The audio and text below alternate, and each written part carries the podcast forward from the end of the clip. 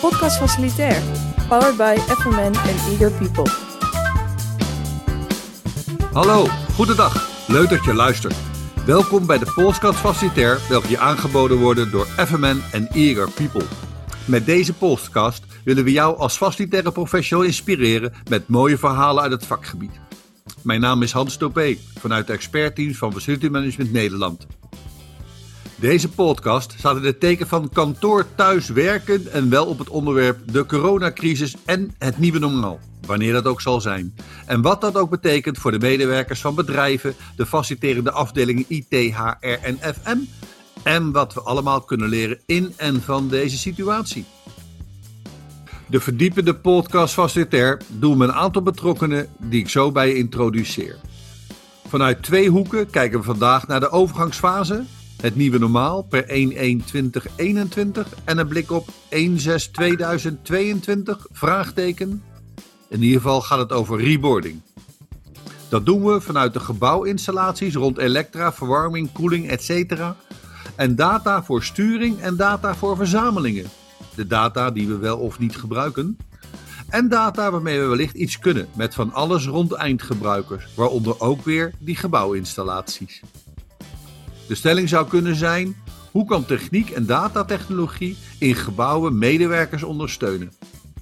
We praten vandaag met Harm van der Boogaard, programmamanager vernieuwende dienstverlening bij FM Haaglanden, ministerie van Binnenlandse Zaken en Koningsrijksrelaties.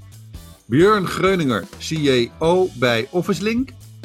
Leendert Trouwborst, manager Business Development en vastgoedontwikkelingen bij BAM. En Erwin van Kempen, projectmanager bij DPMG. Ik zou zeggen, ga lekker voor zitten en luister naar deze aflevering. En ga met ons in gesprek over deze uitzending via onze sociale kanalen. Veel luisterplezier tijdens deze derde aflevering. Dan begin ik even met een vraag. Harm, uh, wat, wat is jouw rol nu precies op dat vlak uh, van, van, van techniek en technologie? Je zit toch een beetje meer aan de technologie, technologiekant, heb ik het beeld, maar kan je het iets meer duiden? Nou, inderdaad, vooral meer de technologie. Echt techniek en hard dingen solderen en programmeren doen we niet. Uh, daar zijn anderen veel beter in. Maar we zijn, kijken vooral van wat komt er aan nieuwe techniek aan, of technologie, zo je wilt. En hoe kunnen we dat inzetten om een betere werkomgeving te maken voor al die ambtenaren in het Haagse. Uh, dus vroege ontwikkelingen volgen, eens even proberen, zodat je weet waar je het over hebt, welke vragen je moet gaan stellen, waar je moet letten. En ook een scheiding te kunnen maken, joh, waar gaan we wel mee verder en waar gaan we niet meer verder. Ja, precies. Oké, dankjewel. Le Leendert, uh, waar begeef jij je nu op, op die twee vlakken? Ja, vanuit het DNA van ons bedrijf zou je natuurlijk heel erg zeggen, we zitten heel erg op de technologie. Um, maar dat hebben we eigenlijk wel gezegd van dat is uh, prachtig, maar elke oplossing die je techneut bedenkt is vaak niet een oplossing waar een klant op zit te wachten. Dus ik, zit me heel, ik beweeg me heel erg op het scheidvlak van ja, wat heeft een klant nu aan techno technologie en wat heeft een klant nou aan optimaliseren van data? Aan die kant uh, zit ik, zeg maar, met name. Je, je, zei iets heel interessants, vond ik. Techneuten bedenken veel dingen waar een gebruiker niet op zit te wachten. Wanneer ben je daarachter gekomen? Nou, dat is in feite eigenlijk altijd wel mijn zoektocht geweest vanuit heel mijn uh, werkend leven, Hans. Ja. Dus ik heb er uh, zeker heel veel van dat soort dingen gezien. Oké. Okay. Ja. Oké, nee, maar ik denk, ik denk misschien was dat ineens awareness to, toen je klaar was met een groot project in Den Haag, dat je dacht, wat is er eigenlijk neergezet en wat, wat heeft die gebruiker hier nou aan eigenlijk? Maar, maar dat is te, te scherp. Ik, ik snap je opmerking, dank je. Uh, Björn, voor jou even dat, dat, dat, dat scheidsvlak techniek, technologie, waar begeef jij je? Ja, wij zitten dan aan de technologiekant, technologiekant denk ik. Hè? Uh, wij uh, meten kantoorgebruik en we proberen het voor de kantoorgebruikers makkelijker te maken. Dus, je, meet, je, je meet alleen het kantoorgebruik? ja, voor populatie, ja. aanwezigheid? ja, werkplekken, spreekkamers. Oké, ja, ja. helder, dankjewel. Erwin, ja, dan, dan, dan, dan bijna ben ik nu bij de, de, de supertechneut aangeland die alles bedenkt waar gebruikers niks aan hebben? Vraagteken? Juist niet, denk ik, Hans. Wij zitten uh, met name aan de kant van de techniek implementatie hè, voor de gebruiker, de, de, echt de installaties in gebouwen. Um, waar wij absoluut openstaan voor technologie. Ehm, alleen wij proberen wel heel vaak de klant te behoeden voor te veel technologie in zijn gebouwen. Behoeden voor te veel technologie. Ja, zeker. Ja. Daarmee, daar, dat, dat, dat is een statement. Daarmee veronderstel of daarmee zeggen dat je weet dat er dus gebouwen zijn waar gewoon te veel technologie in zit? Vraagteken. Ja, dat denken wij soms wel. Ja. Oké, oké. Nou, mooi, mooi punt, mooi punt. Harm, even, even terug naar jou. Uh, technologie. Uh, en, en, en wat voor dingen kom jij dan tegen op technologiegebied, behoudens die koffieautomaat en die, en die broodbakmachine, maar richting gebruiker en, en, en, en, en gebouw? Waar moet ik dan aan denken? Heb, ik dan over, heb je het dan over apps of sensors of BIMmen of BAMmen? Wat, wat zijn het dan? Ja, dat. Oh, um, oh dat. Uh, nee, apps, dat, apps dat, dat was volgens mij heel lang het antwoord op al je vragen. Daar zijn we langzaam wel klaar mee, met steeds een nieuwe app op je telefoon zetten. Ehm, ja, BIM, dat, maar dat is meer iets wat op de achtergrond draait. Zoals een financieel systeem helpt een organisatie ook.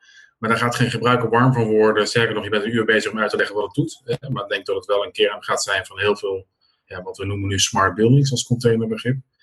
Ja, en technologieën gaan ja, in allerlei verschijningsvormen. Ik ben heel benieuwd wat Voice bijvoorbeeld gaat doen. Ik hoor heel veel techneuten zeggen, Voice wordt de volgende hype. Dus dat zijn we aan het kijken, is dat zo? Wat kun je ermee in een kantoorgebouw? Uh, data. We zien heel veel gebouwen bevatten nu al heel veel data. En dan ben ik wel een beetje eens met Erin.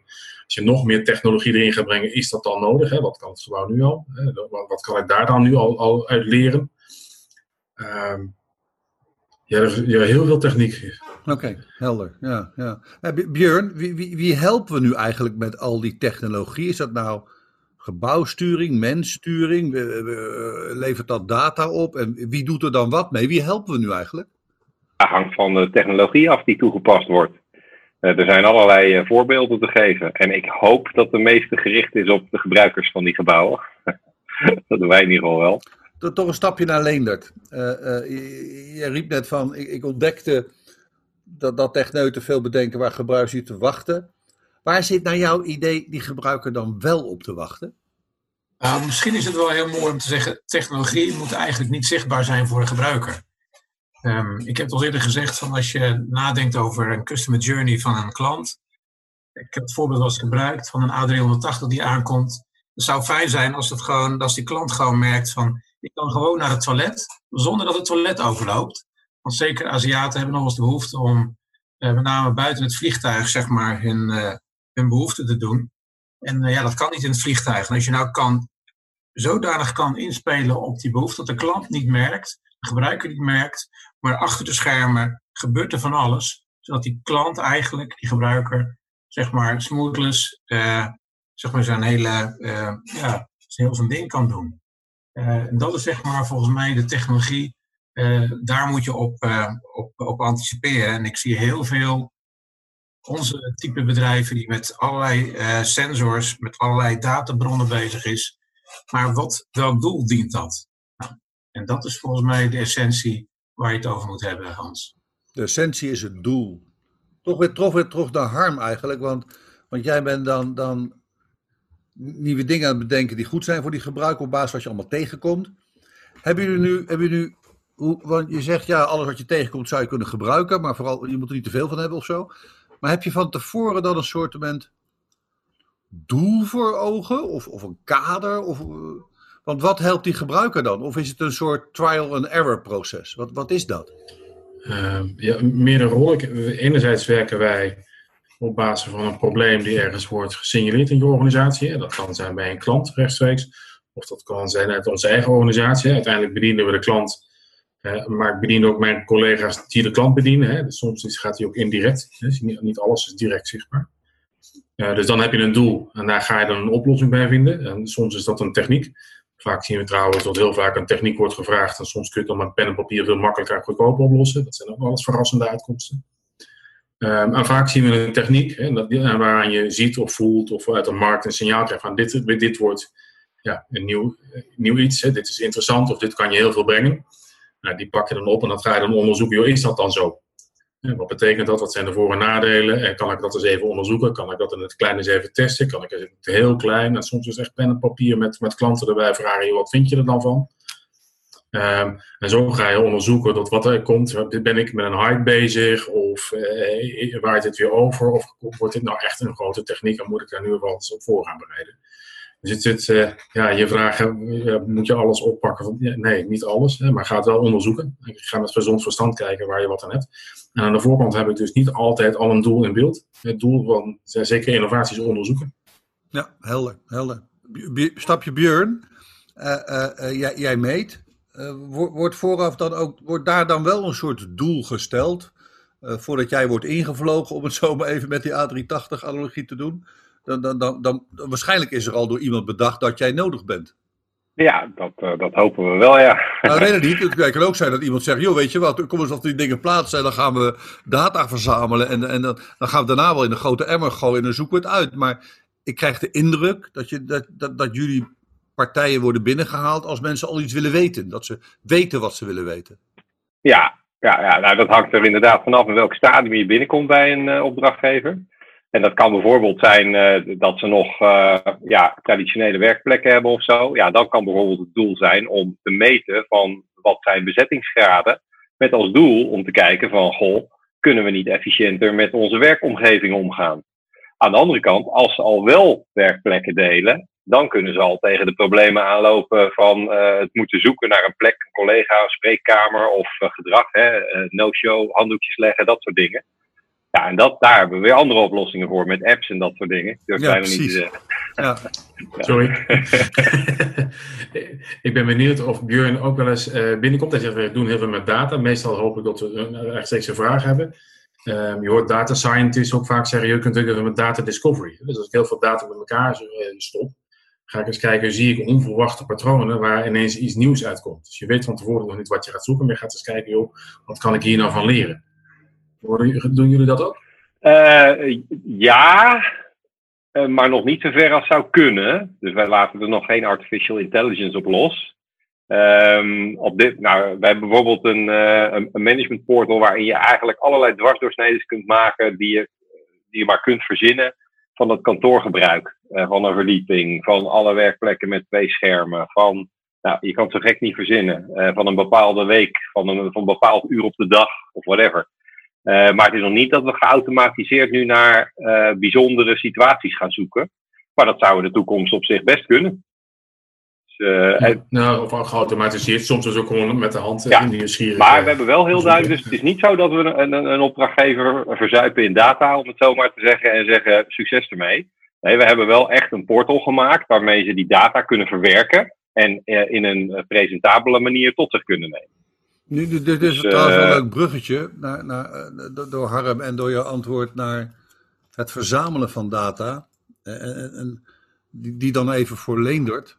Uh, Harm koopt in van ja, er wordt wel heel veel data verzameld en er is veel data. We willen steeds meer data, want dan hebben we meer data en dan kunnen we dat gaan, gaan onderzoeken en wat daarvoor leuke dingen uitkomen zonder dat we daar van tevoren een doel over hadden.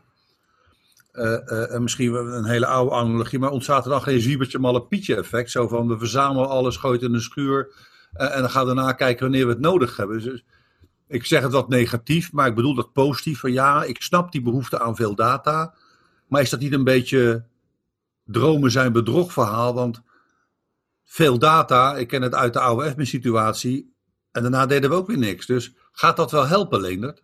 Ja, het gaat wel helpen. En dat is denk ik wel, en dat is denk ik maar de, de, de tijd waar we nu in leven. Uh, we hebben zelf wel een aantal data, data scientisten zeg maar, in dienst. Die uh, allerlei databronnen zeg maar, wel aan elkaar knopen. En daar inderdaad allerlei verbanden uit kunnen halen. En ook oplossingen kunnen bedenken. Uh, zeker als je kijkt naar energie. Daar zijn we nu zeg maar, al zover dat we energiecontracten kunnen koppelen aan, aan, aan piektijden in, in gebouwen, hè, zeg maar piektijden in gebruik in gebouwen. Nou, dat zijn leuke uh, ontwikkelingen, omdat je daar dus databronnen, zowel vanuit het piekgebruik, hè, vanuit je gebouw, kan koppelen aan uh, slimme energieinkoop. En je kan op die manier ook heel veel dingen sturen. Dus wij hebben op basis van die data scientist en, en data-analysten kunnen wij in feite al op heel veel fronten dit soort zaken doen. Maar dat is heel erg gekoppeld aan de hardware van het gebouw. Ja, precies. Dat, hoor ik ook wel roepen. Ik, ik, zie die ik hoor die toepassing. Ik zie toch wel weer dat het neigt naar die techniek. En nog Misschien die staat natuurlijk wel uiteraard altijd ten dienste van die eindgebruiker, maar hij merkt daar direct niet zoveel van. Nee, maar dat is denk ik ook uh, volgens mij het doel van de technologie. Een, een, klant, gebruiker, moet de technologie niet ervaren. En wij hebben heel vaak ook gezien in hotels, als wij daar met onze dienstverlening zitten. Het zou fijn zijn als wij kunnen voorkomen dat s morgens de klant geen koud water heeft. En dat kan je echt wel doen op basis van data en ontsluiting van data. En dan is het mooi om op die manier een koppeling weer te maken naar het gebruik van, van een gebouw. de gebruiker wil eigenlijk niet verstoord worden. Dat is volgens mij onze, onze maximale doelstelling. Oké, ja, helder. Hoe zie, jij, hoe zie jij dat, Erwin? Nou, het is natuurlijk al, al jaren zo dat we het liefst een storing verhelpen voordat die plaatsvindt. Vroeger merkten we het pas wanneer er klachten waren en we kunnen steeds meer uh, eigenlijk voorspellen wanneer die storing komt. Dat, dat, dat kan omdat die, als die storing kenbaar wordt, dat we hem gelijk uh, herkennen, dat hij gelijk naar buiten wordt gemeld en dan kan je ingrijpen. Um, alleen we gaan steeds meer naar data mining toe. Dat betekent dat we um, eigenlijk kunnen voorspellen dat iets kapot gaat voordat het kapot is of gaat. En dat is een hele interessante uh, manier om data te verzamelen en om juist die gebruiker uh, goed te kunnen bedienen, dat hij nooit geen overlast krijgt van storingen binnen gebouwen. En dat is wel een nieuwe ontwikkeling uh, die nu heel actief is, ehm, waarin we uit allerlei gebouwen informatie trekken over bepaalde pompen bijvoorbeeld, hè, die in storing vallen. Daarvan weten we als we zoveel draaiuren hebben gehad, kan je verwachten dat die in storing gaat en dan ga je hem preventief van tevoren al vervangen. En dat is wel een hele interessante. Oké, helder, helder. Harm, uh, uh, ik, hoor, ik hoor vanuit, de, vanuit de technische hoek over technologie. Dan, dan, dan is die installatie en die installaties die, die zijn helemaal hartstikke goed. En die worden onderhouden voordat ze kapot zijn. Dus dan heb je een comfortsituatie die eindgebruiker toe. Dat is dan zijn beleving. Ik maak even een stapje naar uh, de, de fase waarin we nu zitten. Want deze podcast staat in het kader van het nieuwe normaal. Eh, ik blijf de kreet uh, gebruiken, ondanks dat iedereen ondertussen verafschuwt. Nou, dat mag. Uh, deze serie heet nu eenmaal zo, dus ga ik dat niet veranderen. Naar het anderhalve meter kantoor, Harm. Dat, dat, is, dat, is een, dat is een puzzel voor iedereen. Iedereen doet heel erg daar, in mijn optiek, wat ad hockerig en operationeel de hun dingetje. Uh, we pakken stickertjes, we, we, we, we, trekken strepen en, en we, hebben spuugschotjes van plexiglas waar de wereld rijk van wordt. Uh, uh, hoe zie jij die reboarding nu, om dat woord maar te gebruiken, dat terug naar kantoor? hoe kan technologie daarbij ondersteunen? Ehm, ja, heel veel. Bjorn zei al, die waren, die waren ook al bezig hè, met daarop ondersteuning aan te bieden. Kijk, wat je nu ziet is dat we even eh, ja, wat jij net omschreef, eh, een soort supermarktkantoor krijgen dan. Hè? Wat ik in een supermarkt zie, zie ik ook op mijn kantoor. Uh, maar we hebben natuurlijk weer hele eigen karakteristieken. Bij ons zien we bijvoorbeeld de hoogbouw is het heel moeilijk om de liften optimaal te gebruiken. Je kunt niet met 20 man in een lift staan, dat zijn er maar twee dadelijk. Dus je krijgt het gebouw niet gevuld met de snelheid waarop je normaal dat zou doen. En nu hebben we ook iets minder werkplekken beschikbaar, maar een scenario is dat je dadelijk duizend man voor de deur hebt, uh, die heel langzaam dat gebouw kunnen, naar binnen kunnen. En dat je een anderhalf uur tegen de helft van de mensen moet zeggen, je kan weer naar huis en het zit vol. Uh, je ziet ook in de markt dat heel veel partijen ondertussen bezig zijn om manieren aan te bieden waarop een plek kan reserveren in het gebouw. Ofwel überhaupt het gebouw, of heel specifiek op die werkplek. en dan voor grote gebouwen vaak ook nog met een soort van slottijd, dat je met allemaal bij de deur staat. Uh, we zijn bezig met manieren van kan ik tellen hoeveel mensen in het gebouw zijn. Toegangscontrolesystemen kun je gebruiken, maar dat is ook niet altijd zo eenvoudig. er zijn camera's die dat kunnen. Dus zo zie je een heleboel toepassingen verschijnen op allerlei fronten uh, die ons kunnen gaan helpen. Dat vind ik wel trouwens nog grappig dat je zegt dat toegangscontrolesystemen je daar niet optimaal bij kunnen helpen. Dat is toch het, de enige open deur in dat overheidsgebouw, hoop ik. Ja, dat, klopt. Uh, we zijn er nu mee bezig. Dat lopen we aanvragen. Maar tegelijkertijd snap je dat we heel voorzichtig zijn om een kabeltje in een toegangscontrolesysteem te stoppen. Om daar, uh, al is het maar een totaaltelling uit te halen. Want er zijn ook altijd wel weer hackers te vinden die de andere kant op gaan via dat kabeltje. En dat wil je ook niet hebben dus vandaar dat er toch best nog wel wat bergen op Ja, de beveiliging die contra de beveiliging is ongeveer tussen. Ja. ja, ja, en dat vind ik enerzijds vind ik dat verschrikkelijk irritant. Want ik, volgens mij heb ik daar heel makkelijk een oplossing. En tegelijkertijd snap ik ook wel weer waarom die voorzichtigheid er is. En dat geeft wel wat de nodige dilemma's in het zoeken naar een oplossing. Welke technologie herken jij nog meer, Harm, die, kan, die kan, wellicht kan helpen bij die reboarding van die gebouwen? Want je zegt dat dus, is er ook technologie buiten het gebouw die daarbij helpt? Buiten het gebouw? Daar, daar, zie ik maar dan dat dat reserveren, dat zou je van het huis moeten doen. Hè? Dus dan doe je niet in het gebouw. Ik denk dat ik dat eigenlijk zie buiten het gebouw. En dat kun je ook doen qua parkeerplaatsen. Hè? Want ik denk dat we minder met het OV dus meer auto's en meer fietsers gaan krijgen.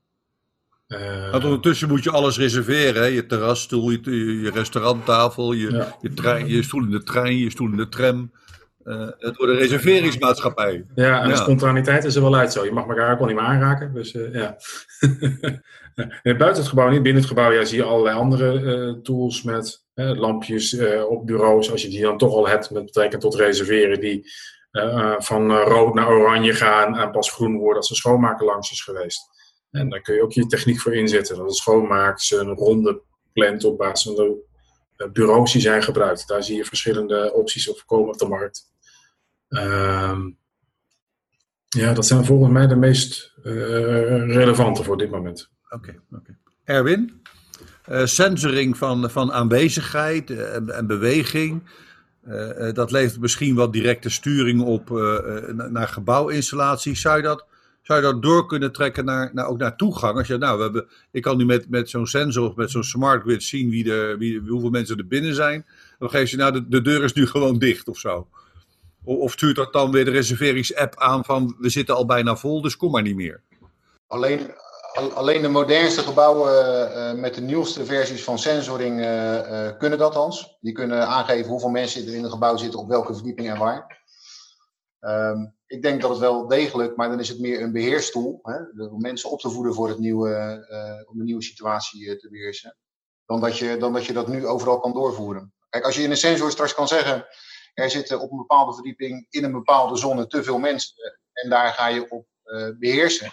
Ik denk dat het een goed stukje opvoeding is om, om daarmee om te kunnen gaan. Alleen ik denk dat nog geen, uh, nog geen 5% van de gebouwen, en dan zit ik al heel ruim, die intelligentie in zich heeft. Nog, nog even terug, je gaat wat snel nu.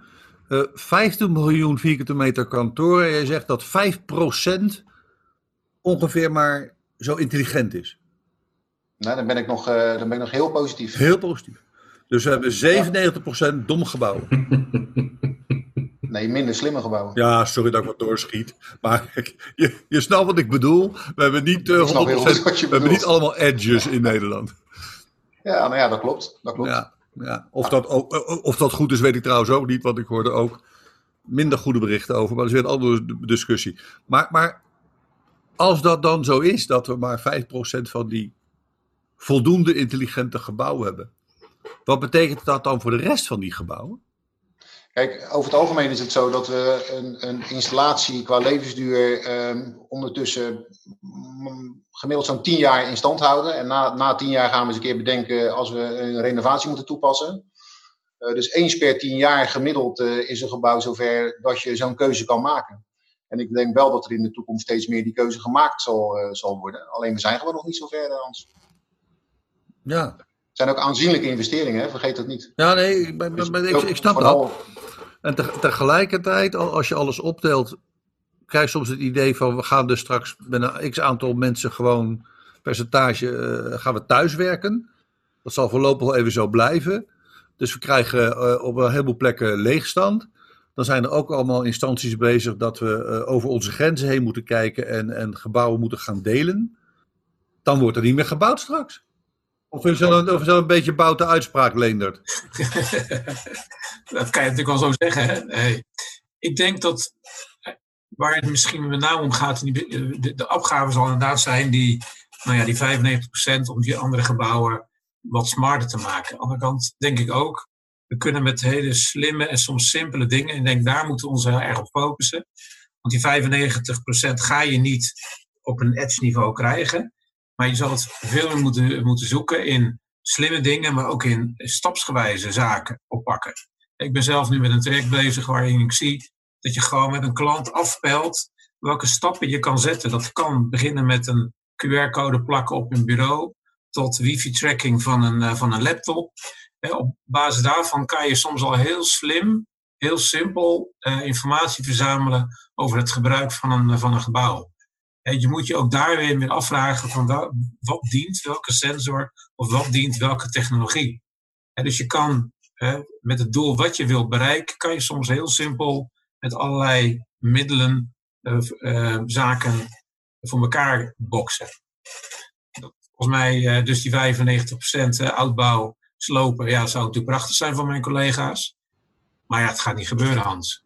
Nee, precies. Nee, dat, bedoel ik, dat, dat, dat bedoel ik. Ja, dat gaat niet gebeuren. Dus ik denk dat we heel erg moeten gaan zitten naar de kijken naar de kant van innovatie op een slimme, eenvoudige manier gebouwen simpel en, uh, en bouwen smart maken. En dat kan. Daar ben ik echt van overtuigd. Of, of, of moeten we, maar dat is, dat is een andere podcast geweest, of moeten we misschien wel die eindgebruiker meer smart maken? Zodat hij zelf beseft dat hij er misschien niet kan of wil of moet zijn op dat moment.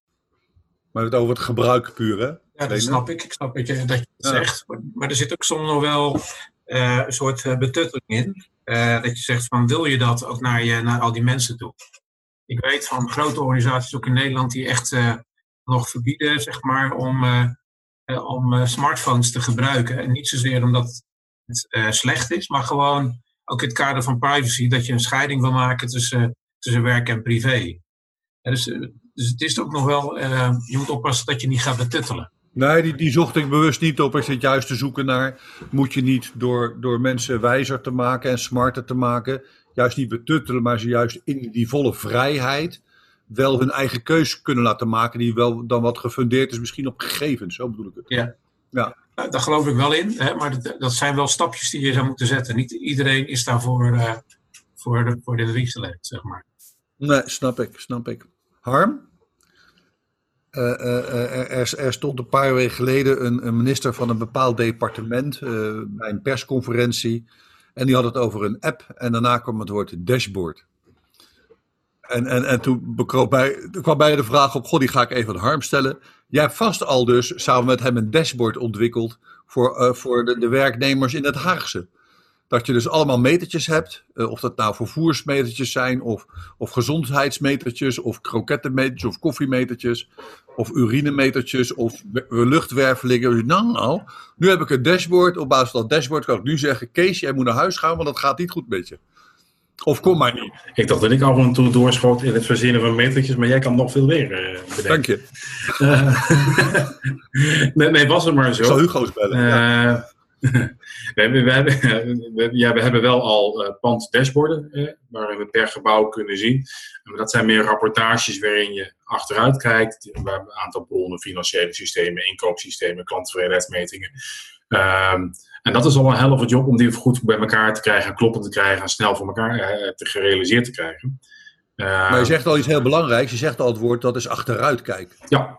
ja en je zou met, met, en met zo'n dashboard, real time, zou je natuurlijk liefst een beetje vooruit kijken. Ja. Zodat we niet weer met 6000 man op de dam staan. Ja, ja, dat, ja dat, dat is wat je graag zou willen. Nou, dat lukt nog maar weinig. Hè. Dus er zijn vaak individuele systemen, kunnen het een klein beetje. We, we, zien wel trends, hè. daarmee die kun je gebruiken om voorspellingen te doen. Dan kom je op een bepaalde waarde, dan kun je een inschatting maken. Ja, en alle eerlijkheid, soms zo'n ketenhuis doen dat al jaren. Die weet ook al dat bij mooi weer op een dinsdag moet ik iets meer ijsjes inkopen dan uh, in de winter. Op, weet je? Dus soms is het gewoon zo ja. gezond verstand. Uh, ja. en, en, en, als je een stapje verder wil, uh, we hebben ook al uh, zeg maar een gebouw wat in die 95% worden, die nog niet al slim gebouw was. Daar kun je ook al heel veel data uit ontsluiten, al die systeempjes, maar dat zijn echt silo's waar je echt moet doorbreken om data uit te kunnen halen en dan op zoek te gaan. En dan zie je dat je daarmee ook al heel veel kunt bereiken qua energieverbruik. Ehm, maar dat is nog heel ver af, in ieder geval bij ons, als een dashboard die al dat soort dingen in de gaten houdt. Ja, precies. Dat, die snap ik. Dan misschien een tussenvraag, want je begint even over die, over die, over die, over die smart buildings. Hoeveel van die 5% zit bij de overheid? En volgens mij is dat het alleen dat gebouw wat uh, het voor ons heeft achtergelaten. Björn, uh, uh, een stapje, dashboard, gegevens, meten. Is dat niet een klein beetje dromen? Of denk je dat dat, dat dat wel eens ook realiteit is? Dat je zoveel kan meten dat je er echt zo'n soort dashboard op na zou kunnen houden? Tuurlijk kan je een dashboard erop nahouden, maar dan gaan we weer terug naar uh, waar we het eerder over hadden. Je moet meten met een idee, uh, denk ik, ehm, om, om te verbeteren, om eh, nieuwe verbanden te zien of whatever. Je moet in ieder geval iets, iets, iets, iets oplossen, een probleem oplossen bijvoorbeeld. Of eh, iets, iets innovatiefs doen waar je beter van wordt. En eh, daar kan je van alles voor verzinnen. Heb je, heb je, heb je, een, concreet, heb je een concreet voorbeeld? Eh, nou ja, eh, het makkelijkste voor mij is natuurlijk om terug te gaan naar wat wij doen. Nou, eh, neem nou bijvoorbeeld ehm, dat meten van die kantoren. Hè. Waarom zou je dat nou doen? Nou, daar kan je bijvoorbeeld eh, datagedreven mee experimenteren met je, met je organisatie. Dat je op een gegeven moment zegt van nou, we willen het beter doen met z'n allen. We willen bijvoorbeeld ervoor zorgen dat mensen eigenlijk altijd het soort werkplekken vinden wat ze zoeken. Nou, dan gaan we een tijdje meten wat er gebeurt eh, als we het op een bepaalde manier doen. En eh, dan, dan zie je op een gegeven moment eh, ja, wat voor soort plekken er gebruikt worden. En daar kun je van leren. En dan kan je zorgen dat er daar meer van komen. Maar neem nou bijvoorbeeld deze. Stel nou dat je op een gegeven moment zegt van ik zou eens willen kijken of wij in ons kantoorgebouw bijvoorbeeld iedere week op woensdag en vrijdag bijvoorbeeld drie verdiepingen gewoon helemaal dicht kunnen doen. Nou, dan ga je dat gewoon doen. En vervolgens ga je eh, drie weken meten. En dan ga je gewoon kijken wat er gebeurt. En je gaat de mensen alleen maar verleiden om de laagste verdiepingen te gebruiken en dus niet de hoogste. Je gaat niet verbieden. Nou, je gaat bordjes plaatsen, communiceren en verzin het maar. En nou, uiteindelijk zie je of je experiment geslaagd is of niet. Daar leer je weer van. En dan ga je, eh, stel je het weer bij. En op die manier kun je eigenlijk eh, door spelenderwijs gewoon dingen te doen. In plaats van hele dikke rapporten te gaan zitten schrijven en eh, die je misschien nooit gaat toetsen, zeg maar, door ze uit te voeren. Gewoon door simpel dingen te doen, ga je kijken of het, eh, of het lukt. En als het simpele, lukt- simpele, simpele dingen doen en dan effectmeting. Ja, Ja, bijvoorbeeld. oké. oké. Even, even een heel ander stapje. Erwin, eh, er staan best wel wat, wat gebouwen gedeeltelijk leeg nu, hè? vanwege dat we allemaal aan thuiswerken zijn. Eh, eh, eh, twee, twee dingen daar gekoppeld. Zien we nu een soort onderhoudshoos ontstaan, omdat de kans daar nu is om onderhoud te doen? En, en de tweede vraag is, hoe gaat het nu eigenlijk met die gebouwen? Want die mensen zijn thuis, die hebben een probleem. En hebben die gebouwen daardoor nu ook een probleem, als we ze als een soort levend wezen zouden zien? Nee, ik, ik, ik, laat ik zo zeggen, wij, wij hebben heel veel te maken met installatiepartners die eh, heel veel onderhoud doen in grote gebouwen. En wij zien geen hele grote onderhoudshoos. Je ziet wel dat klanten nu werkzaamheden naar voren trekken om eh, te voorkomen dat, eh, nou ja, dat, je, dat je werknemers last hebben van die onderhoudswerkzaamheden. Maar om nou te zeggen dat er een explosie is in, in, in achterstallig onderhoud wat nou wordt ingehaald, het antwoord heel duidelijk nee. nee. Maar dat komt ook misschien door de bekende vierhoeksverhouding. Die eindgebruiker zou wel willen en die wil niet gestoord worden. Maar degene die moet investeren is die eigenaar die, die, die gewoon die huurpenning ontvangt. En die eigenaar moet eigenlijk opdracht geven. Ja, nou ja, va- vaak hebben ze natuurlijk van tevoren al onderhoudscontracten afgesproken wanneer er onderhoud wordt af, Ja. eh, of uitgevoerd. En dan kan je dus niet eh, tegen de installateur zeggen, nu allemaal tegelijk in de panden, want hun capaciteit is ook Nee, dat snap ik ook. Dat snap ik ook. Ja, ja. Dus, dus, dus van, vandaar dat het niet allemaal tegelijk uitgevoerd wordt. Eh, ook al zou men het willen, is dat gewoon onmogelijk. En overigens is het ook eh, vanuit, we hebben bijvoorbeeld het, het reinigen van luchtkanalen en dat soort dingen, zou het perfect wezen nu. ja. Alleen wordt ook het strengste afgeraden door de REVA, de brandsorganisatie, om dat nu niet te doen. Dus eh, nee, op dat gebied eh, zien wij geen piek. Oké. Nee. Dan, dan dat, dat tweede, de- sorry, ik had twee vragen in één natuurlijk, is niet zo slim. Maar toch even, zijn, eh, hoe gezond zijn die gebouwen nu nog? Want die staan dus half leeg.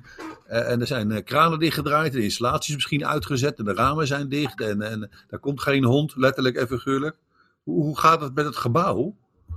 Ja, ja als, kijk, als een gebouw wat langer stilstaat, en zeker wanneer je hele verdiepingen afsluit, dan, dan heb je echt stilstandsonderhoud nodig. Eh, sommige dingen eh, zijn moeilijk te begrijpen. Hè. Ik heb wel eens begrepen als eh, eh, KLM een vliegtuig voor langere tijd stilzet, dat ze drie maanden nodig hebben om dat ding weer aan de praat te krijgen. Ehm, kijk, binnen gebouwen, als gebouwen stilstaan, hebben ze ook uiteindelijk onderhoud nodig voordat je straks weer de lucht in kan. En dat is niet het onderhoud wat je eh, aan- filtervervanging of dat soort dingen. Maar re- realiseer je dat als je watertappunten niet gebruikt, dat je die wel wekelijks moet doorspoelen. Hè. Dat soort onderhoud moet wel gewoon door blijven gaan. Ehm, en als je dat niet doet, dan, dan kan je straks toch wel een probleem hebben. Ja, precies. Dus ook bij stilstaande gebouwen heb je toch eh, eh, gebruikersonderhoud, stilstandsonderhoud eh, is zeker, heeft zeker aandacht nodig. Absoluut. Oké, oké. Helemaal de andere kant weer op, maar Harm. Van, van gebouw weer naar die eindgebruiker. Je zei in het begin al van ja, we, we doen dat soort dingen en, en, en, al die technologie bekijken, die data, om die eindgebruiker te helpen. Toch vind ik dat nog wat te algemeen klinken. Hebben jullie een concreet plaatje of een ding, wat dat, dat dan is? Wanneer is, dat, wanneer is je eindgebruiker dan geholpen? Of is dat het idee dat we hem helpen? Wanneer is je nou echt geholpen? Ik bedoel, is die eindgebruiker daarin betrokken in dat proces, hoe die geholpen is? Uh, ja, uh, ja, langs verschillende kanalen. Hè. Soms indirect en soms heel direct. Kijk, indirect uh, hebben we natuurlijk, net als iedere organisatie, allerlei gesprekken op al heel veel verschillende niveaus met je klantorganisatie. Soms is het inderdaad met de, de, meneer en mevrouw aan het bureau en soms is het met een ergens de hoogste baas van die organisatie.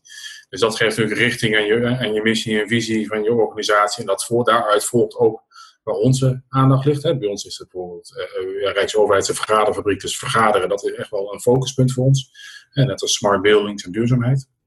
Um, en heel klein aan de onderkant, als we dan iets oppakken en we gaan dat eens even in, in een prototyping, dan doe je dat zeg maar in het veld. En dan ga je mensen die gewoon langskomen met een klein bord, ga je vragen stellen. Wat vind je ervan? En daar ga je ook al die eerste input ophalen. En daar zitten natuurlijk allerlei stapjes tussenin. Dus ja, je doet dat voor ze. Maar, maar is er een soort van tevredenheidslijst, een, een, een, matrix, de, de tevredenheidsmatrix van de eindgebruiker bij de overheid? Dit zijn de scorepunten bij die eindgebruiker. Ja, als je, als je bedoelt wat wij noemen een integrale klanttevredenheidsmeting, dat zijn uh, redelijk lijvige rapporten waarin we tevredenheid van klanten meten. Soms weten ook klanten nog niet echt wat, wat er te koop is. Hè. Je moet ze ook vaak eerst laten zien, joh, dit kan. Uh, vind je dat interessant? Ben je hiermee geholpen? Hij weet nog niet altijd wat, wat kan en wat hij nodig heeft. Leendert, uh, we hebben het al over data gehad. Uh, een bak met gegevens, kunnen mooie, de mooiste analyses maken. Is het, is het, denk Bill, is het, is het te bedenken dat we daar iets uithalen wat we over meerdere gebouwen kunnen gebruiken? Ik zou me daar als bouwer BAM iets bij kunnen voorstellen. Of is dat toch heel erg situationeel, afhankelijk van het type organisatie of de soort gebruiker? We hebben het even over kantoren, hè? Dus laten we daar niet Schiphol erbij betrekken, maar even de massa kantoren.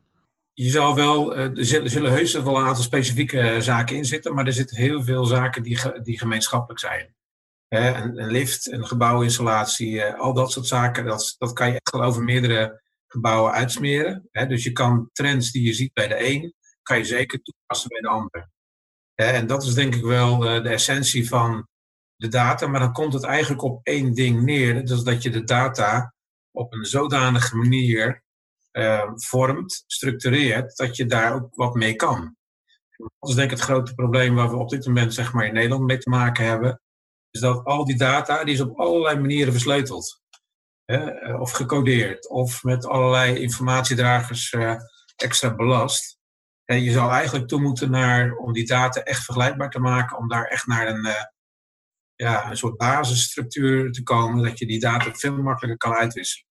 Uh, vanuit het perspectief van Leen, dat hoor ik toch van ja, dat, dat, dat zijn toch dingen die, die het gebouw aangaan. Uh, uh, met maar die gebruiker die heeft veel meer dingen om zich heen dan alleen maar die gebouwinstallatie, ook gebruiksinstallaties en, en, en dingen die ook rondom de dienstverlening hangen, zoals catering, drank en, en, en voeding en dat soort dingen dan kom ik toch een beetje terug bij dat matrixje van ja, wat is nou toch die behoefte aan, aan, aan van die eindgebruiker? Van waar, waar scoort hij nou op? Is dat dan, heb je een beeld bij dat veel al die gebouwtechniek is, of wordt er veel meer gescoord aan de andere techniek van die, die in die diensten zit? Heb je daar een beeld bij? Naar mijn idee zit hij veel meer in de diensten. Het gebouw, als je niet oppast, is een hygiënevak. Dat doet gewoon wat hij doet. En ik, ik vermoed, en dan zie aankomen dat waar mensen nu thuis al met smart buildings eh, aan het spelen zijn, dat je op een gegeven moment ook die verwachting van je gebouw hebt. Hè? Dat je je Google Home hebt staan en dat je weet wanneer je aankomt en je lampjes automatisch aangaan. Nou, nou, al die dingen die nu nog een gimmick zijn, maar toch wel steeds makkelijker worden om je, je leven goed in te richten. Hè, mijn, Google Home geeft aan, joh, er zijn meer of minder files vandaag, dus je moet wat eerder vertrekken eh, als het druk is. Nou, waarom kan ik dat soort dingen nou niet in een kantooromgeving ook gaan toepassen? Ja. ja. Nog een vraag voor jou, Harm. Kijkend naar die rewarding en, en toch de wat langere tijd, wat ik begreep uit de vorige potten, die de overheid daarvoor wil nemen. Hmm. Recht waarschijnlijk. Uh, hoe, hoe, hoe ga je die toestroom nou in de hand houden? Ja, ik, ik- ik denk dat we zo'n reservering, hè, dat is eh, eh, een oplossing. Hè, dat mensen van tevoren kunnen aangeven wanneer kom ik. Hè, die slimme gebouwen kunnen daar gaan helpen. Ik denk Ja. dat ze soms ook gewoon afdelingen, gewoon roosters en afspraken moeten maken. Ook sociaal zal daar eh, veel nodig zijn. Ja, En, en je ziet het al gebeuren. Dus niet altijd hoef je per se techniek eerst in te zetten. hè. Gewoon gezond verstand werkt ook. Ehm, en verder ben ik, ja, zie ik wel dat videobellen, wat je nu heel veel ziet, eh, dat moet je ook gaan plaatsen. Eh, De kantoren ga je niet meer in, denk ik, om eh, individueel schermwerk te doen. Dat doen we thuis wel. Je gaat naar een kantoor toe, wat je mist, en dat is het gesprek met je collega's. Dus dat moet je inrichten. Eh, en dan zul je nog steeds af en toe videogesprekken willen houden. En bij ons zijn de meeste werkplekken niet geschikt om. Nou, wij zitten nu inderdaad via Zoom even met elkaar eh, een podcast op te nemen. Ja, we moeten niet aan denken dat hier vier collega's om me heen zitten. Die worden op een gegeven moment gaan die dingen naar mijn hoofd gooien, denk ik. Dus daar moet ook een oplossing voor ja en terecht. Ja, precies. Ja, ja, ja, ja, ja, ja, ja. Er- Erwin, ik ga, ik ga even met jullie allemaal toch even naar eh, die reboarding fase toe. De gebouwen gaan straks weer open. De pleinen zijn open. De kroegen zijn open. Alles gaat weer open. Gebouwen gaan open. Eerst even Erwin. Heb jij drie tips waar we nu echt wat jou betreft aan moeten denken bij die reboarding? In basis, eh, als wij naar installaties kijken, kijk ik vooral naar klimaatinstallaties. We hebben daar de REVA voor, onze brancheorganisatie, eh, Europese brancheorganisatie. Ehm, mijn, mijn tips eh, eh, die komen daar eigenlijk uit voort. En dat is eh, zorg dat je ventilatiesystemen zo zijn ingesteld dat je geen recirculatie gebruikt, dus 100% buitenlucht. Zorg dat je installaties s'nachts gewoon lekker doordraaien. Dus doorspoel je gebouw zoveel mogelijk. Maak zoveel mogelijk gebruik van te opene ramen. Ook al levert dat wat klimaatklachten op, maar het doorspoelen van gebouwen, dat is echt nummer één waar we op sturen. Moet je, Ehm, moet je die spoeldruk dan misschien ook zelfs verhogen? Nou, nee hoor, ik denk dat je hem gewoon s'nachts moet laten doordraaien. Dat is eigenlijk eh, de, de, de wens. Voldoende, daarmee, zeg maar. maar, ja, daarmee heb je 's morgens gewoon een volledig eh, doorspoeld eh, goed gebouw. Dus dat is prima. Maar is een beetje contra, ja, sorry dat ik steeds inval, Ja. maar dat is een beetje contra duurzaamheid natuurlijk, want dan verstook ik energie. Dus COVID is niet duurzaam. Hans, halve, halve kantoren in gebruik hebben lijkt me zeer zeker niet duurzaam. Dus ik denk dat dit ondergeschikt is daaraan. Dat, dat is al die disposables. Oké, terug door naar, je tweede, door, door, naar, door naar je tweede tip eh, eh, eh, graag. eh. Ja, ik, ehm, eh, een andere tip daarbij is eh, eh, zorg dat, eh, dat je als je, ja dat is een hele gekke, maar dat hebben we nog geleerd uit de SARS-tijd, hè, daar hebben we ervaringen mee opgedaan, zeg maar. Zorg dat als je het toilet doorspoelt, dat je dat altijd met gesloten bril doet. Eh, hele simpele tip, maar doe het alsjeblieft, want eh, COVID kan zich ook verspreiden zeg maar, via het toilet vanwege de aerosols. Hè, dus als je doorspoelt, komen er altijd spetters vrij. En zorg dat je al je vloerputjes, droogstaande vloerputjes en dergelijke, eh, goed eh, vochtig houdt. Want ook daar kan zeg maar weer die verspreiding uit voortkomen. Oké, dankjewel. Björn, heb jij drie tips? Ehm, nou ja, ik, eh, ik zou absoluut beginnen met, een, eh, met het herzien van een risico-inventarisatie en analyse. Want daar begint het eigenlijk, hè, voor je, die je ook nodig hebt om je kantoor te mogen gebruiken. Ehm, ja, en eh, nou, de installaties hebben we dan al gehad. Hè? dus eh, ik zou voornamelijk inderdaad kijken naar eh, hoe ga ik met mijn mensen om? Hoe ga ik erover communiceren? Hoe, hoe ga ik handhaven? Dat soort zaken, zeg maar. Mijn beleid zou ik kenbaar maken. Ehm, dus dat, zou ik heel goed doen. Ja, en voor de rest, ik vraag me af, hè, ik bedoel, hoe je het ook bent of verkeerd, er kunnen minder mensen tegelijkertijd in dat gebouw. En daar moet je fundamentele keuze in gaan maken. En wat ga je dan doen? Ga je dan inderdaad voor die ploegendienst hè, en een Excelletje? Eh, wat er kan. Ehm, maar ja, dat moet je wel goed bijhouden. Of wil je toch ja, de mensen meer vrijheid geven daarin, zeg maar. En hoe ga je het dan doen? En er zijn verschillende oplossingen voor. Dus ehm, ja, ik zou daar eens goed naar kijken, inderdaad. Van welke eh, mogelijkheden zijn er nou om dat inderdaad de, de bevolking van je gebouw, de drukte in je gebouw te beheersen? Ik vond die eerste wel leuk, want je begon over, de, over die risico-inventarisatie. Eh, zeg je nu misschien, maar anders leg je hem in je mond, maar dan moet je vooral ontkennen, dat het eigenlijk zo zou moeten zijn als een gebouw nu weer open gaat in deze omstandigheid van COVID-19, dat je eigenlijk default een RNE moet doen, om maar aan te kunnen tonen aan als werkgever, aan weet ik veel wie, de keurende instantie, de overheid, van nou kijk, ik voldoe hier en hier aan, dus mijn RNE is goed, dus kan ik los. Eh, het- daar begint het. Met alle respect. Ik bedoel, Daar begint het het. begint bij die RINE. Ja, absoluut. En eh, die, gaat, die gaat verder dan alleen installaties en wat communicatie. Hè. Dat, Ja, ja. Dan, dan Ja, pak je het gewoon helemaal beet. Ja, en eh, daar zijn verschillende partijen die je daarmee kunnen helpen. En ehm, ja, je kunt het ook gewoon zelf doen. Hè. Ik bedoel, eh, ook dat kan, met pen en papier. Ehm, maar ik denk dat het superbelangrijk is om daar te beginnen. En er zijn ook hulpmiddelen bij. Hè. Dat is misschien nog wel een aardige. Die heeft een tijdelijke norm uitgebracht, eh, speciaal voor kantoren. Eh, waarbij je dus eigenlijk precies kunt zien hoe ze hebben uitgezocht dat je het beste kan omgaan met inrichtingen, afstanden, schermen eventueel, wanneer wel en wanneer niet, enzovoort. En volgens mij is die gewoon openbaar beschikbaar. Ja, ja ik, ik, zie heel veel, ik zie heel veel richtlijnen. Ik ken zelf een instantie, noem geen namen, die geeft een certificering af voor die kantoorinrichting. Maar ja, dat is een particuliere partij. Ik denk, wie is die part- particuliere partij om een certificering af te geven? Dus ja, ik, soms heb ik ook wel, wel, eens wat broodjes aap voorbij komen. Maar goed, RINE vind ik wel een belangrijk punt. Stap je daar, Leendert? Jouw drie tips. Oeh, het wordt steeds moeilijker, Hans. Ja, nee, daarom begin ik nu. Daarom kom ik als derde bij jou en als vierde bij Harm. Ja. Die zit al heel erg na te denken nu van jeetje, ik ben de Ik ga laatste. ik ga even googlen. Ja, doe maar.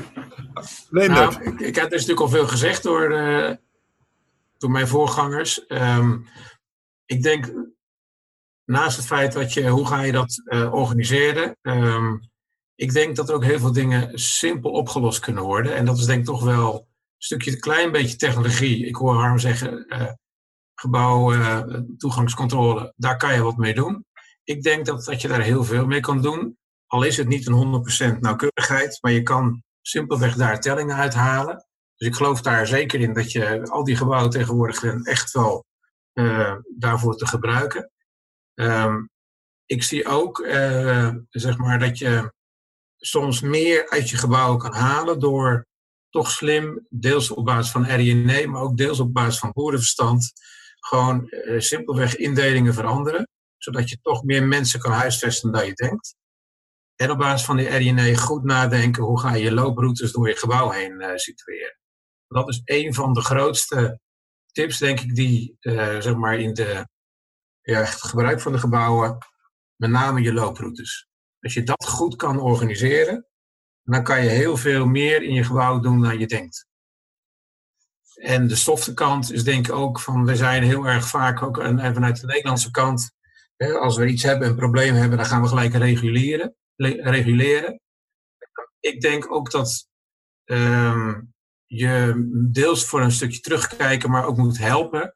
Hè, eh, vanuit onze eigen organisatie hebben we ook heel veel kantoren in de landen vanuit onze BAM-organisatie. En we kijken, we, wij proberen te signaleren en we proberen de lijnmanagers zeg maar, te informeren eh, waar het mogelijkerwijs eh, spaak zou kunnen lopen. Dus eh, Nou, het is natuurlijk wel een spannende wat je aangeeft, want jij zit op dat snijvlak van die techniek en de technologie. De, de, dus eigenlijk is jullie eigen organisatie, jullie hele vastgoedmassa, natuurlijk één groot proefballonnetje, één groot proefkonijntje om dingen uit te testen. ja, dat is het. Gebeurt dat ook? Ja, dat doen we ook. Ja, dat gebeurt ook. dat gebeurt ook. Ja. Dankjewel, Leendert. Nou ja, als, als laatste, Harm, je hebt even na kunnen denken, je hebt heel veel gehoord. Je hebt je koptelefoon al half afgezet, je hebt gegoogeld. Wat zijn jouw drie tips? Ehm, wat ik wel mooi vind in, deze periode, we werken nu vanuit huis, in ieder geval op afstand. Eh, ik kom nogal vaak het conflict tegen, ja, het is nou mens of technologie. En we zien nu dat we dit niet hadden kunnen realiseren met z'n allen, hè, dit doorwerken zonder techniek. Dus ik, ik hoop dat we die in ieder geval nu kunnen laten vallen, dat er überhaupt daar een conflict in zit. Maar dat we gewoon kunnen zien, als je dat slim doet, dan hebben we daar heel veel aan. Ehm, en ik zou vooral als tip willen meegeven, eh ja, kijk niet alleen naar thuiswerken of werken op afstand, maar ook de volgende stap is samenwerken op afstand. Hè? Want ik kan mijn mail dan wel ergens eh, anders organiseren, maar hoe overleg ik dan op de mensen? Hoe ga je een project start-up doen? Is het samenwerken op afstand, dat wordt een volgende eh, waar we nu eens echt goed in moeten gaan worden. Eh, dat zit niet helemaal op het faciliteren, maar deels zit het natuurlijk ook wel in de ruimtes die we hebben hier. En daarmee kom ik maar op twee. Merk je daar op dit moment veel van voor dat weer leren samen digitaal werken? Ik, ik zeg het ook een beetje veronderstellen dat ik. Ik mis het een beetje. Ik hoor het te weinig roepen. Mhm. Dat, we, dat we al samen aan het ontdekken zijn. De HR met, met, met, met, met, met, met mensen thuis en lijnmanagers. Hoe gaan we dat nou toch digitaal verbeteren zonder weer gelijk voor die andere sessies naar kantoor Ja. te hoeven of zo. Nou, ik, Mist dat Ja, ik ben verbaasd hoeveel creativiteit er is met dat je ook online kun je voor een whiteboard gaan staan en geeltjes plakken en heen en weer schuiven. Dus die tooling is er, hè, dat is de helft van het werk. En dan moet je er Ja. nog even mee leren omgaan. En dat vraagt weer Ja, andere precies. Afspraken met Ja. de mensen met wie je zo'n bijeenkomst dan weer doet. Ja, en dat is echt wel weer een wereld. dat is de Ja, uitdaging, dat is een behoorlijke. Want de een vindt dat leuk, hè, die duikt erin en die, die, die trekt de kar. En anderen zeggen, ja, maar kunnen we niet gewoon afspreken ergens op kantoor? Nou, dat is toch wel een leuke stap om te gaan. Hey, dankjewel Harm. He- heren, dank voor tot nu, tot nu en, en ook voor de tips. Die gaan we zeker nog ook eh, even breder binnen FMN eh, bekendmaken. digitaal, whatever. Als afronding, wat hebben we nog gemist vandaag in deze discussie? Is er, is er nog één ding wat we aan de orde zouden moeten hebben? En, en eh, roep maar als iemand iets vindt. Eh, nou, ik, ik eh, denk, ik wil wel wat zeggen. Dit klinkt goed. even kijken. Nou, kantoren gaan we natuurlijk heruitvinden. We, zijn nu allemaal over de dam. We kunnen thuiswerken. We kennen die tools. We ontdekken er meer. Ja, dat gaat niet meer terug naar hoe het was natuurlijk. Eh, we gaan die kantoren heruitvinden. En die kans is gewoon ongelooflijk groot. En we hebben echt geen zin meer om met z'n allen tegelijkertijd in de file te gaan staan. Die trein, eh, s ochtends vroeg met z'n allen, gaan we ook niet meer doen. Dus dat betekent gewoon dat we er anders mee om moeten gaan. En dat betekent dat kantoren ja, toch naar dat ontmoeten gaan. Hè. Da- daar zijn ze straks voor. Samenwerken, ontmoeten en noem het maar op. En voor de rest werken we thuis. Of op een professionele derde werkplek vlakbij huis. En dat zou zomaar kunnen zijn in een kantoorgebouw van een heel andere werkgever dan waar jij voor werkt. Nee, ik, hoop, ik hoop dat we daar naartoe gaan. En ik wou ook nog even zeggen dat ik zo blij ben dat het geluk bij een ongeluk is dan dat eh, we deze eh, coronacrisis nu meemaken, eigenlijk aan het begin van het lekkere weer. Stel je voor dat je moet gaan eh, fulltime moet gaan ventileren met buitenlucht van nou ja, min 5. Dan, eh, dan wordt het toch een stuk minder comfortabel hoor, want daar zijn installaties niemand op uitgelegd. Ik, vind- ik, ik, ben het, ik, eh, ik ben het wel met, met Bjorn eens. Ik vind dat we het, het, het positieve wat we uit deze coronacrisis halen, dat we dat moeten onthouden. En als we straks weer in het oude normaal zitten, dat we daar wel gebruik van moeten maken. Absoluut. We kunnen hier ook van leren met z'n allen. Mooi. We hebben een mooi gesprek gehad over techniek en technologie. En het draagvlak tussen gebouw, mens, concept, meten, data en weten. Hoe we weer op zoek zijn naar gegevens om te sturen. In tijden van crisis, krapte en angst willen we steeds vaker sturen. Sturen uit beheersen door te weten.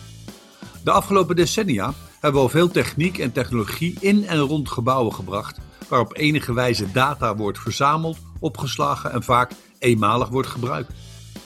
Nu is er ook behoefte aan andere data over thuiswerken, thuisomstandigheden, vervoer, transport, weersomstandigheden en het reserveren en plannen van dat alles, zodat je stromen kunt voorspellen.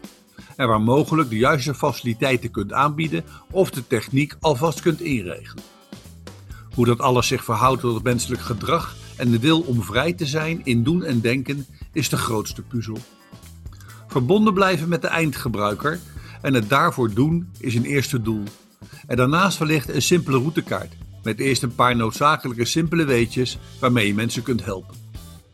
En daarnaast is het een noodzaak om het kennisniveau binnen FM op het gebied van techniek en technologie te verhogen, zodat er een beter begrip ontstaat op management- en directieniveau van de dingen die de techniek kan en vooral ook niet bij de juiste ondersteuning van de ondersteunende facilitaire processen van een onderneming. Dat was hem dan, de derde aflevering in de podcastserie over het nieuwe normaal, over technologie. Met Harm van der Boogaard, programmamanager vernieuwende dienstverlening bij FM Haaglanden, ministerie van Binnenlandse Zaken en Koningsrijksrelaties. Björn Greuninger, CEO bij OfficeLink. Leender Trouwborst, manager business development en vastontwikkeling bij BAM en eigenaar van TPNA. En Erwin van Kempen, projectmanager bij DPMG. Voor de regie vandaag was Niels weer verantwoordelijk. En de redactie was weer onder de goede leiding van Suzanne Vermeer. Dank ook jullie weer. Praat met ons mee over deze aflevering via onze sociale kanalen, zoals de website en LinkedIn-pagina's van FMN, Facility Management Nederland of Eager People. En luister daar ook naar alle andere afleveringen. Met een nieuwe editie in deze serie over het nieuwe normaal van de podcast Facilitair zijn we weer op 18 juni 2020. Bedankt voor het luisteren en een mooie dag nog. Podcast Facilitair. Powered by FMN and Eager People.